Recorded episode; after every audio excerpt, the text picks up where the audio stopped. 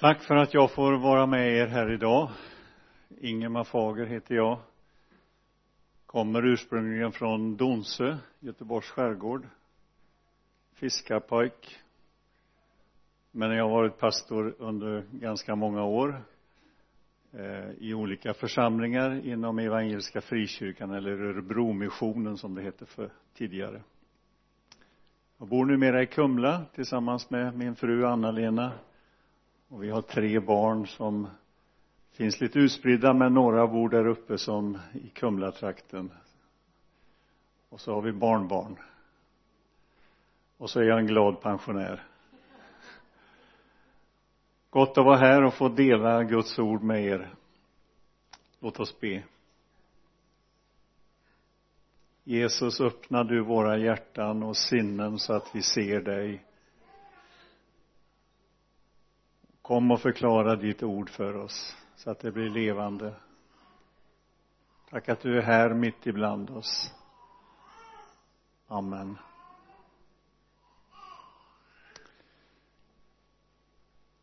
Försök att lyssna in den här texten, berättelsen som jag tänker läsa för er om den samariska kvinnan och mötet med Jesus.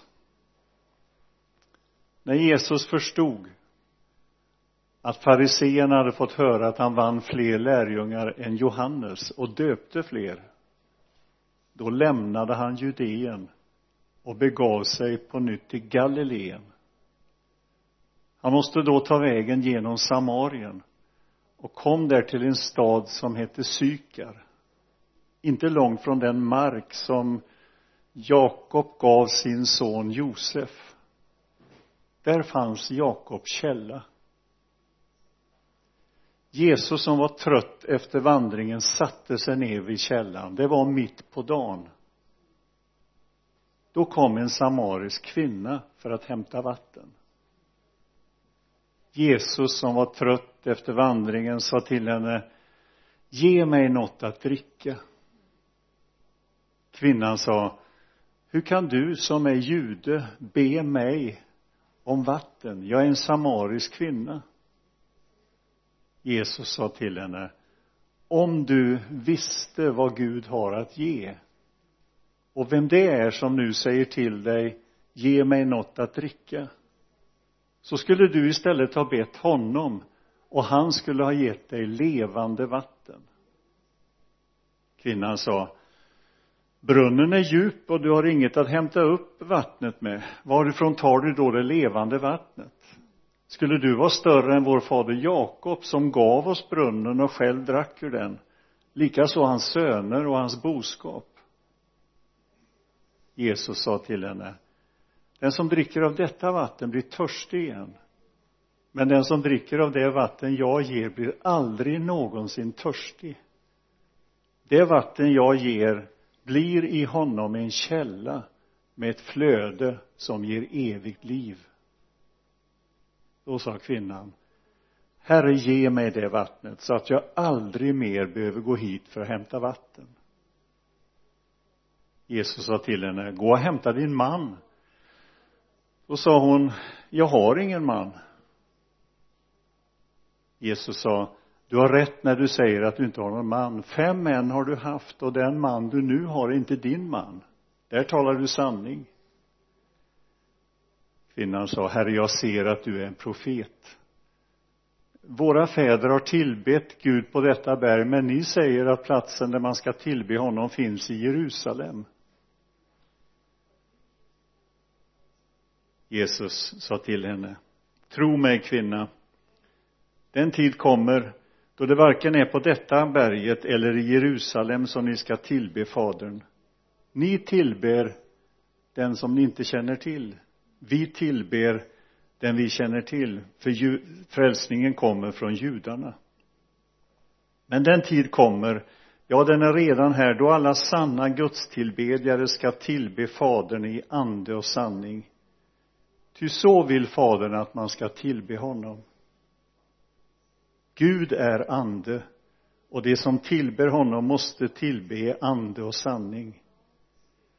Kvinnan sa jag vet att när Messias kommer då ska han låta oss få reda på allt Jesus sa till henne. Det är jag den som talar till dig. I detsamma kom lärjungarna tillbaka och de blev förvånade över att han samtalade med en kvinna.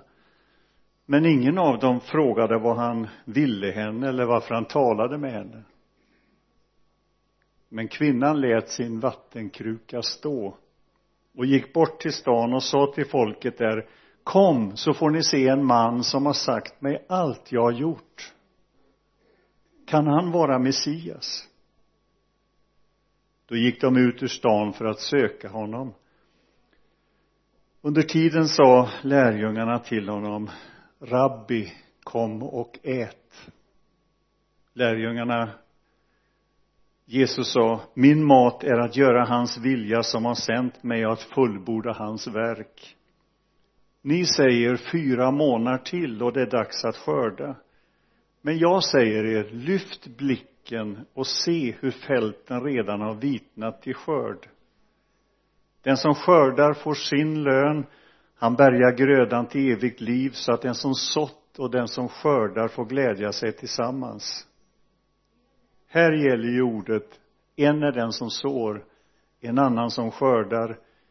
Jag har sänt er att skörda där ni inte har behövt arbeta. Andra har arbetat och ni får lönen för deras möda. Många samarier från den stan hade kommit till tro på honom genom kvinnans ord när hon försäkrade han har sagt mig allt som jag har gjort och när samarierna kom till Jesus bad de honom att stanna hos dem. Och han stannade där i två dagar. Och många fler kom till tro genom hans egna ord. Och de sa till kvinnan nu är det inte längre vad du har sagt som får oss att tro. Vi har själva mött honom och hört honom och vet att han verkligen är världens frälsare.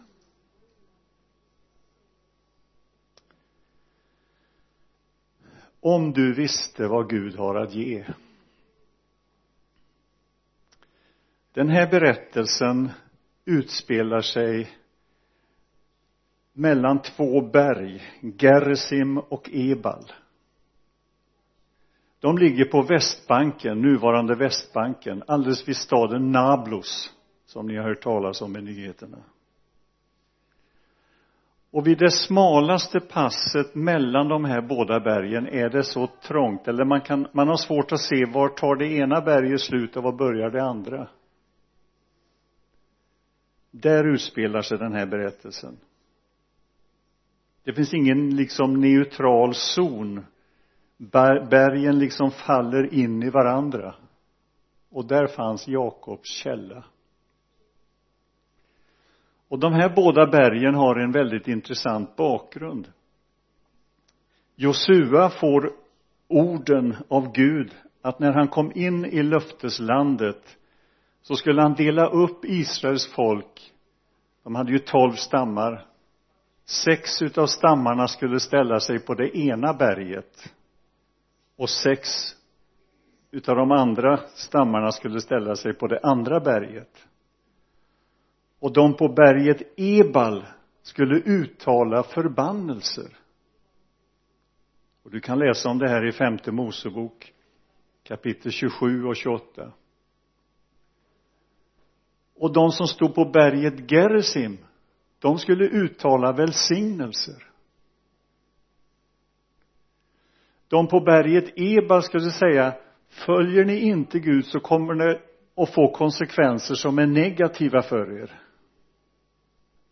och de på berget Gerizim skulle säga följer ni Gud så kommer det här välsignelsen att följa er. Och ekot av välsignelsen från berget Gerizim och förbannelsen från berget Ebal den levde kvar i generationer som en kuslig påminnelse.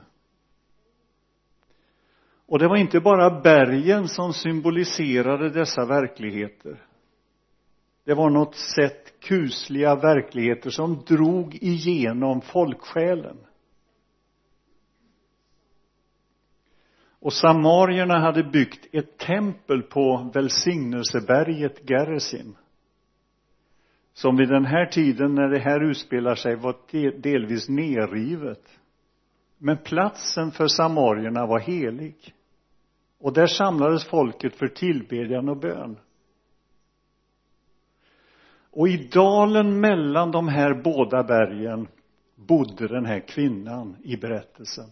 En kvinna som vi inte har något namn på. Och så därför representerar hon på något sätt oss allihop. Det är vi. Och hon hade säkert följt med sina föräldrar till berget Gerizim för att tillbe när hon var liten och nu förstod den här kvinnan att genom hennes egna liv drog en underlig kraft som drog åt de här båda bergen. Paulus skriver i Romarbrevet 7 det goda som jag vill det gör jag inte. Det onda som jag inte vill det gör jag. Där har du de båda bergen och på något sätt så känner vi igen oss. Åtminstone gör jag det. Det goda som jag vill ja det är inte alltid jag gör det. Och det onda som jag inte vill ja jag dras åt det hållet också. Det pågår en kamp i våra liv. Kampen mellan Gerizim och Ebal.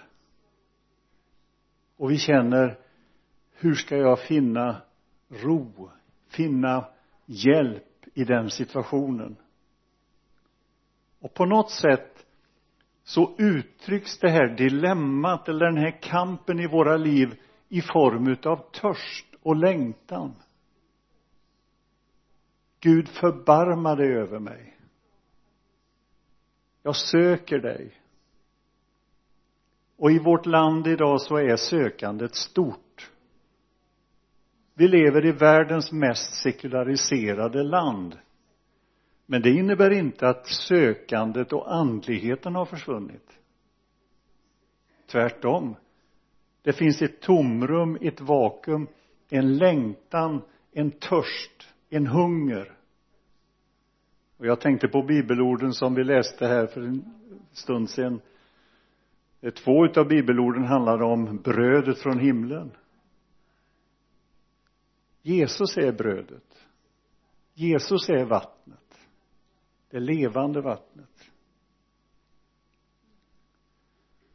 Och visst har vi svårt ibland att liksom urskilja det ena berget från det andra i våra egna liv. Så är det att vara människa. För så är vi lever i en fallen värld och vi känner den här kluvenheten inom oss. Och vi tänker och vi ber Herre till vem ska jag gå? Du är den enda som kan släcka min törst. Det är därför vi möts till gudstjänst. Det är därför vi tillber. Det är därför vi ber och längtar. Frank Mangs fick en gång frågan vad är det att vara en kristen? Hur skulle du vilja beskriva det? Och så svarar Mangs på sitt förundliga sätt. Att vara en kristen det är att vara både hungrig och mätt på samma gång.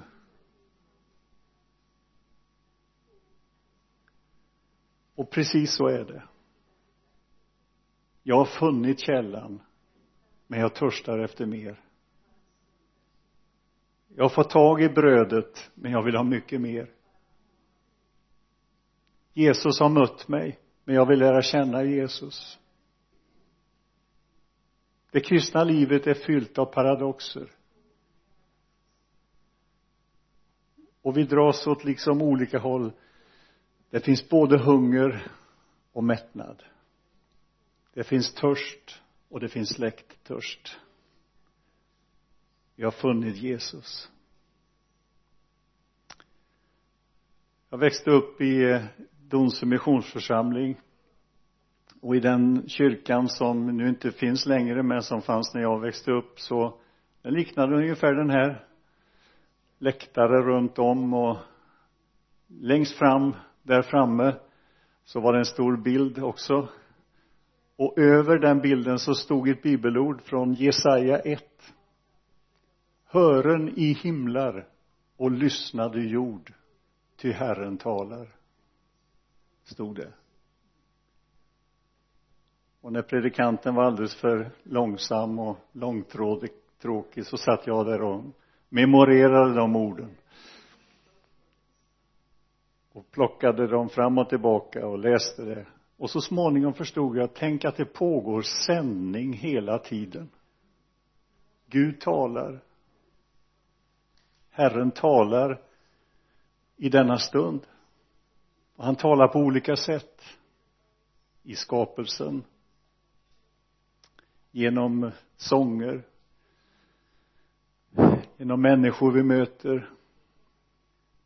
Överallt pågår det sändning. Och det är ju precis som att vi skulle ta in en radioapparat här och sätta på on. Så får vi in det som sänds. Och så vill Gud liksom ge sig till känna på olika sätt. Och jag brukar säga så här, Gud har lagt ut små post-it-lappar lite här och där.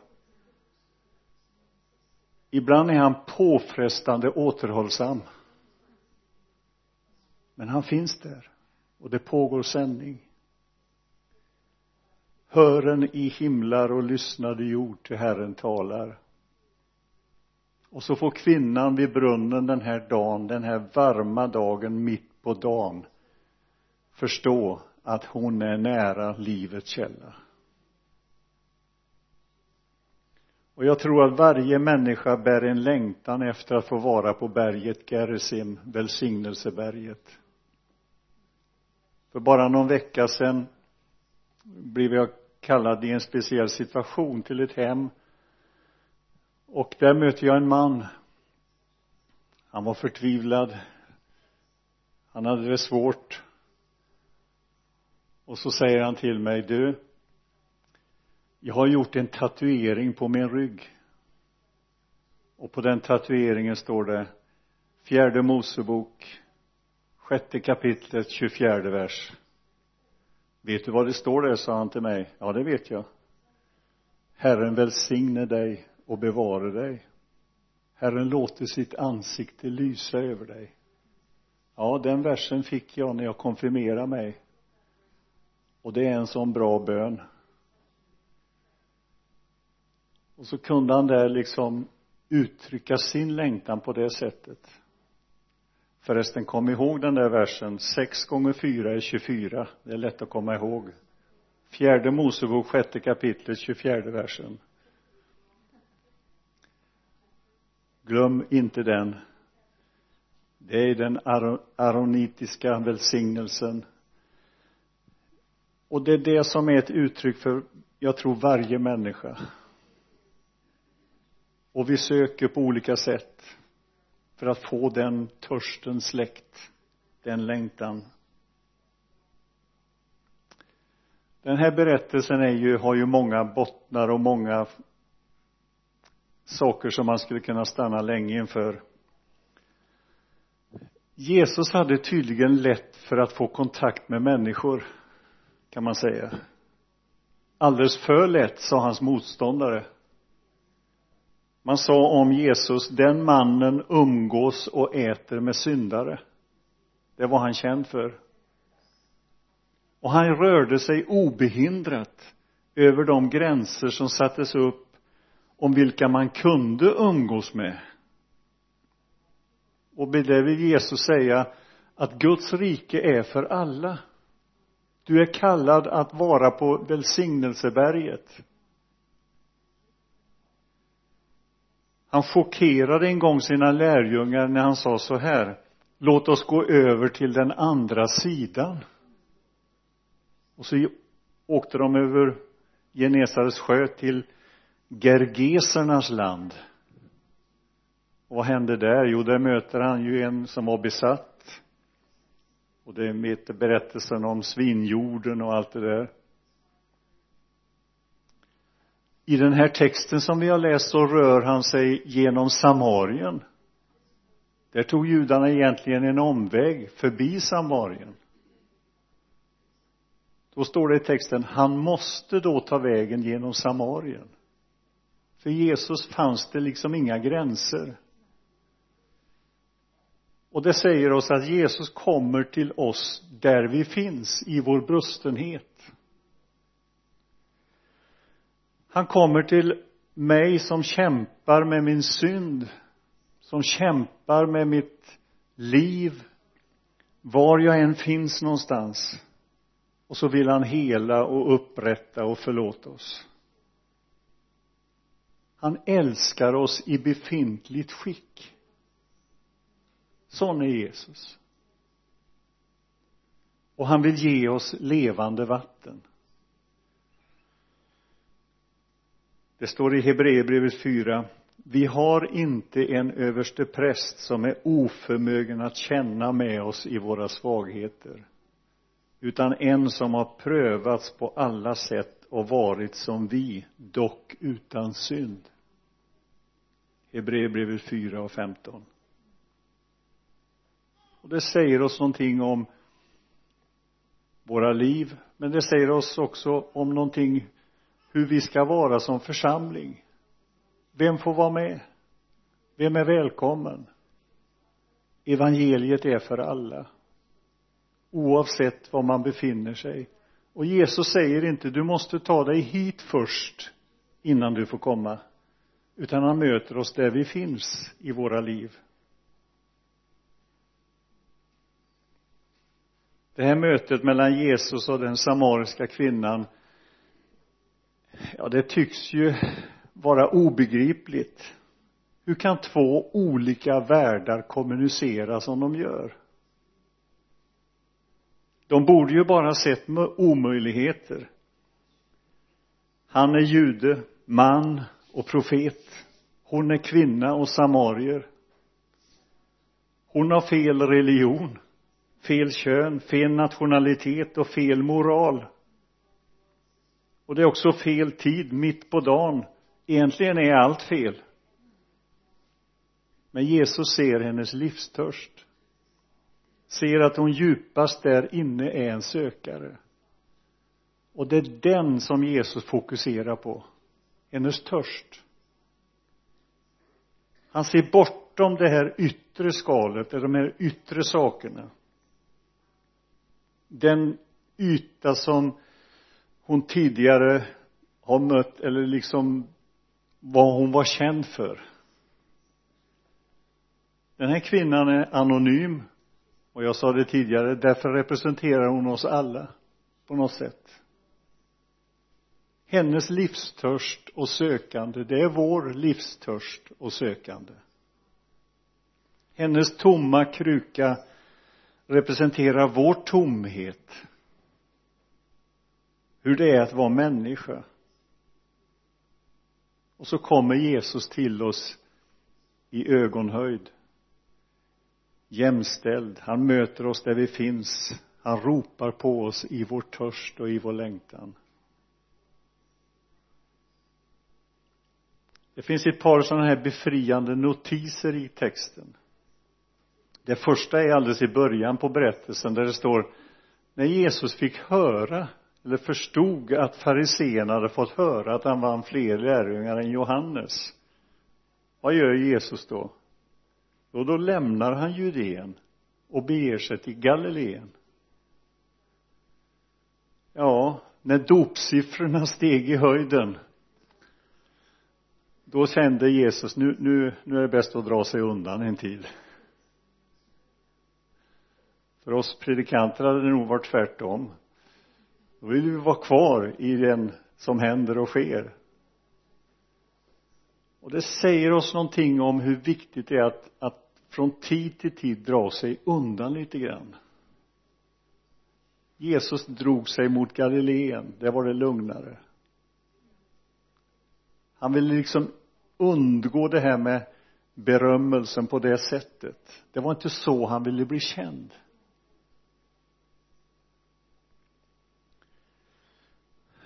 Och det här säger oss någonting också om hur viktigt det är i vår tid att hitta hitta de där praktikerna som gör att vi får stillhet inför Herren, inför Gud För några år sedan presenterades en studie som visade hur många reklam och säljbudskap vi exponeras för varje dag. Det visade sig att vi nås av mellan 3 000 och 20 000 kommersiella budskap på en enda dag. Lite beroende på var vi bor och vad vi sysslar med. Och vi uppfattar inte alla, tack och lov. Men de önskar nå in i vårt medvetande och i vårt undermedvetande i form av tv-reklam, annonser, skyltar, bilmärken, logotyper, förpackningar, ja, you name it. Och all denna reklam bygger på att vi är missnöjda med det vi har och förväntas uppta en jakt på det vi inte har. Och hela tiden så ropar de här budskapen bättre, större, finare, nyare. Och det är naturligtvis så det ser ut för oss. Och det är inget fel i sig, men det gör någonting med våra liv. Och därför behöver vi dra oss undan ibland. Vi behöver dra oss åt Galileen, om ni förstår vad jag menar. Och även vi som kristna i våra församlingar kan dras med den här jakten. Senaste bästa predikanten, sångaren och så vidare. Men no mer än någonsin behöver vi också som kvinnan göra låta krukan stå en stund. Eller lämna Judeen. Och vi behöver hitta de här praktikerna som gör som säger till oss att söka Herren och hjälpa oss med det. Det pågår sändning. Kan vi höra det? Hur, hur tränar vi varandra i att lyssna in Herrens röst? I centrum för den här berättelsen finns en brunn. Och den säger oss att vi möts i törsten. Annars så möts vi inte alls. Det är vår längtan som drar oss tillsammans. Det är vår längtan som skapar enhet och gemenskap. Och församlingen är ingenting annat än en samling törstiga lärjungar kring Jesus.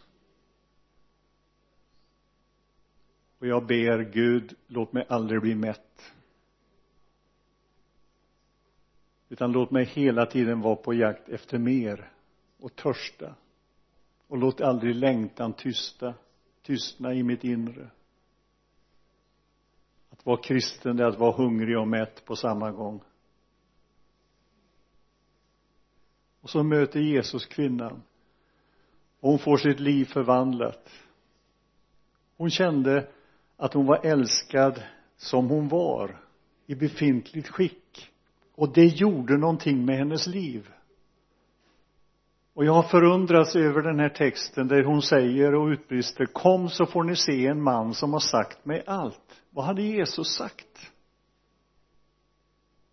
Hur kunde han ha sagt allt i det som vi får återgett i den här berättelsen?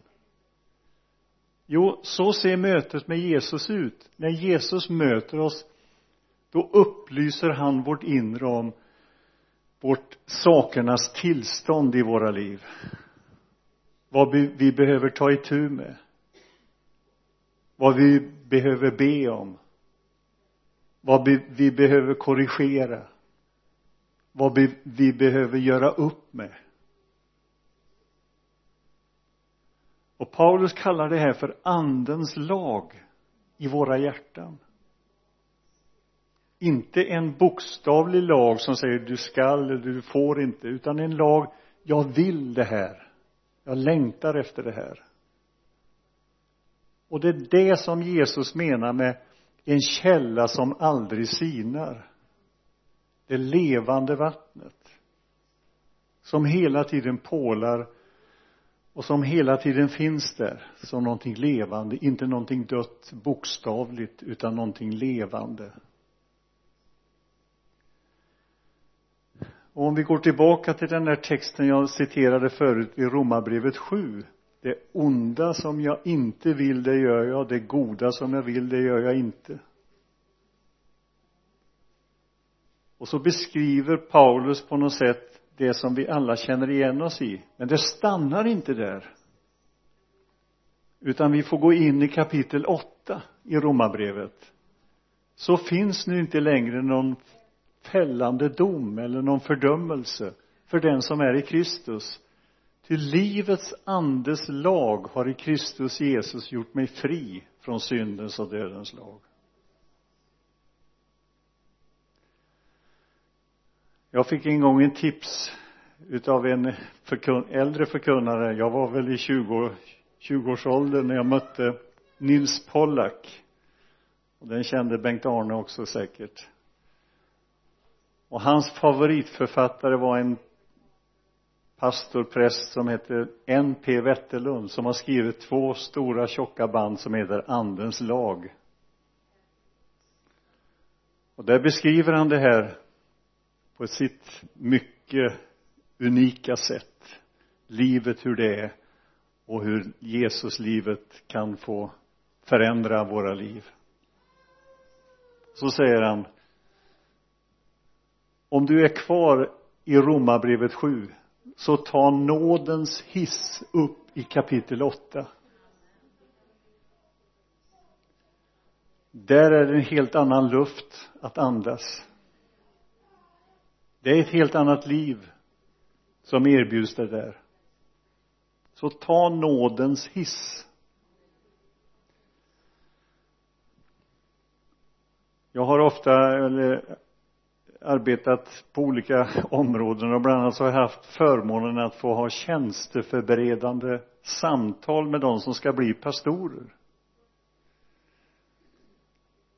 Och då har jag en, del frågor som jag ställer och vi går igenom olika områden. Men bland annat så har jag frågan vilka spikar spikar du på? Alltså vad är det du förkunnar oftast? Vad är det som är ditt ämne, ditt ärende när du predikar? Därför att det ämnet det är någonting som du predikar till dig själv. Det är någonting som du själv behöver höra och som du vill höra. Och om jag ställer den frågan till mig själv så skulle jag vilja säga att min spik, ja det är Guds nåd nåden är ju helt unik. Det är bara vi som har nåden. Det är vårt varumärke nåden.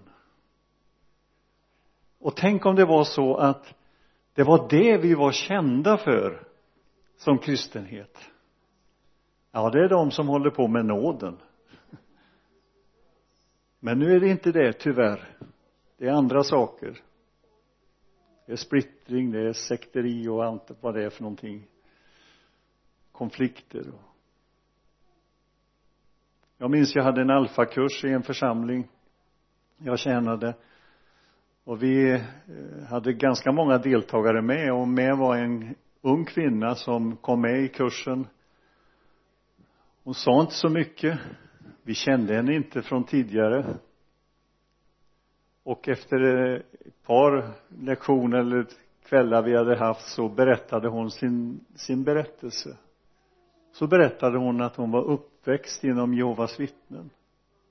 Och där har hon hela tiden hört hemifrån akta dig för de frikyrkliga de håller bara på med nåden. Och ni vet att när någonting blir förbjudet så blir det väldigt spännande så hon gick en alfakurs för att få reda på vad, vad är nåd för någonting? Så då bestämde jag utan godkännande från London att vi lägger till ett ämne till. En kväll till. Och den hade rubriken är allt gratis? Och så talade vi bara om Guds nåd. Och om du läser bibeln så ska du se att nåden är det mest återkommande ämnet egentligen. Ta psalm 103 ty så hög som himlen är över jorden så väldig är hans nåd över den som fruktar honom. Så långt som öster är från väster hur långt är det? Ja åker du österut och frågar vad öster är så då blir det rundgång så långt ifrån oss förvisar han vår synd. Som en far visar ömhet mot barnen så visar Herren ömhet mot den som fruktar honom. Ty han vet hur vi är skapade. Han minns att vi är mull. Och ställ det att vi är bräckliga vi är sköra. Vi känner Ebalberget i våra liv. Han vet det han känner till din situation. Han känner till vår kamp. Och så kommer han med sin nåd och barmhärtighet. Och den nåden gör någonting i våra liv. Den förvandlar oss. Så att vi vill söka honom. Vi vill gå hans väg. Det är andens lag i våra hjärtan. Guds nåd Gud låt oss bli kända för den. Och jag brukar be ibland Gud låt inte min nåd ta slut innan din gör det. I mötet med människor, i mötet inför situationer vi kommer in i vare sig det gäller våra egna liv eller hur vi ser på andra människor. Det finns en sån varsamhet i den här texten Jesu möte med kvinnan. Han säger rakt på sak vad det handlar om. Han petar i hennes liv och samtidigt så visar han sin nåd och barmhärtighet. Herre jag ser att du är en profet. Och så försöker kvinnan föra in på ett annat område i, i diskussionen är det på detta berg vi ska tillbe eller det där berget? En religiös samtalsämne. Och Jesus undviker det. Och så säger han ja hon säger jag vet att när Messias kommer då ska han låta oss få reda på allt. Och då kommer de här orden från Jesus. Det är jag. På grekiska ego eimi jag är det är Herrens namn. Namnet på Gud. Och ni vet att i Johannes evangeliet så förekommer det ganska ofta jag är det levande brödet. Jag är den gode herden jag är dörren. Jag är den gode herden, det sa jag. Det finns många fler sådana där uttryck. Och det var ju ett namn på Gud. Det var ju så han uppenbarade sig för Mose. Mose frågar vem ska jag säga har sänt mig? Jo du ska svara jag är har sänt dig. Och så blev det så heligt det namnet. Det var ju namnet på Gud. Ingen vågade ta det, ta det i sin mun och uttala det. Och så kommer den här snickarpojken från Nasaret och säger helt plötsligt jag är. Och de höll för sina öron han hädade ju. Han sa sig vara Gud. Och så kommer den här fantastiska berättelsen om hur kvinnan går in i stan berättar för alla som ville höra och alla som inte ville höra om vem Jesus är, vad han hade gjort. Och de följer med henne ut. De möter Jesus. De får också sina liv förvandlade och så kommer en av de starkaste bekännelserna vi har i hela nya testamentet. Och då säger folket till kvinnan nu är det inte längre vad du har sagt som får oss att tro. Vi har själva mött honom och nu förstår vi att han är vad då? jo världens frälsare. Det är en av de starkaste bekännelserna i hela nya testamentet.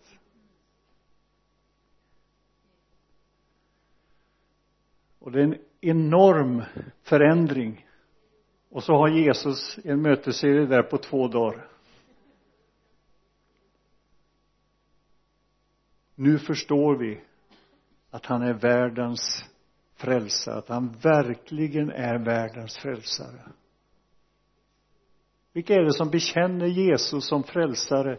Om vi läser hela nya testamentet? Jo det är de onda andarna du är Guds son, Guds helige. Det är Petrus som säger det vid ett tillfälle. Fast han var inte medveten om att han sa det egentligen. Det är soldaten vid Jesu kors. Han måste ha varit Guds son. Och så är det här i Johannes evangeliet. Vi förstår att han är världens frälsare. Vilka var det? Jo det var samarierna de som man inte ville umgås med. Och så tar Jesu väg eller Jesu liv och ryktet om Jesus vägar som vi inte har en aning om.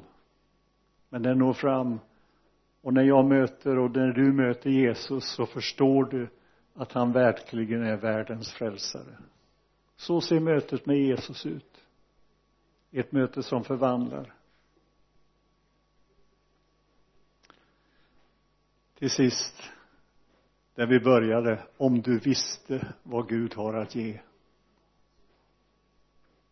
Om du visste vad Gud har att ge. Och jag önskar att den här predikan ska göra dig ännu mera hungrig och törstig. För när det sker då är Guds ande där och verkar. Blir aldrig mer törstig det vatten jag ger blir i honom en källa med ett flöde som ger evigt liv. För att citera Mangs igen så säger han att mötet med Jesus och gåvan den heliga ande det är att få källan inmonterad i sitt liv. Att källan finns i vårt inre. Och det vill Jesus ge. Och han vill ge det till, till dig som är här och du som lyssnar. Gud är dig nära. Den heliga ande är dig nära. Och så får vi öppna våra hjärtan och ta emot det levande vattnet. Amen. Låt oss be. Tack Jesus att du möter oss där vi finns antingen om vi är där för att liksom hämta vatten för att släcka vår törst. Vad det nu än är vi söker släcka vår törst i. Så kommer du Herre med ditt levande vatten. Tack att du möter oss just nu. Att du är här mitt ibland oss. Att du är hos den som längtar. Och tack att vi får ta emot dig och öppna våra hjärtan för dig. Amen.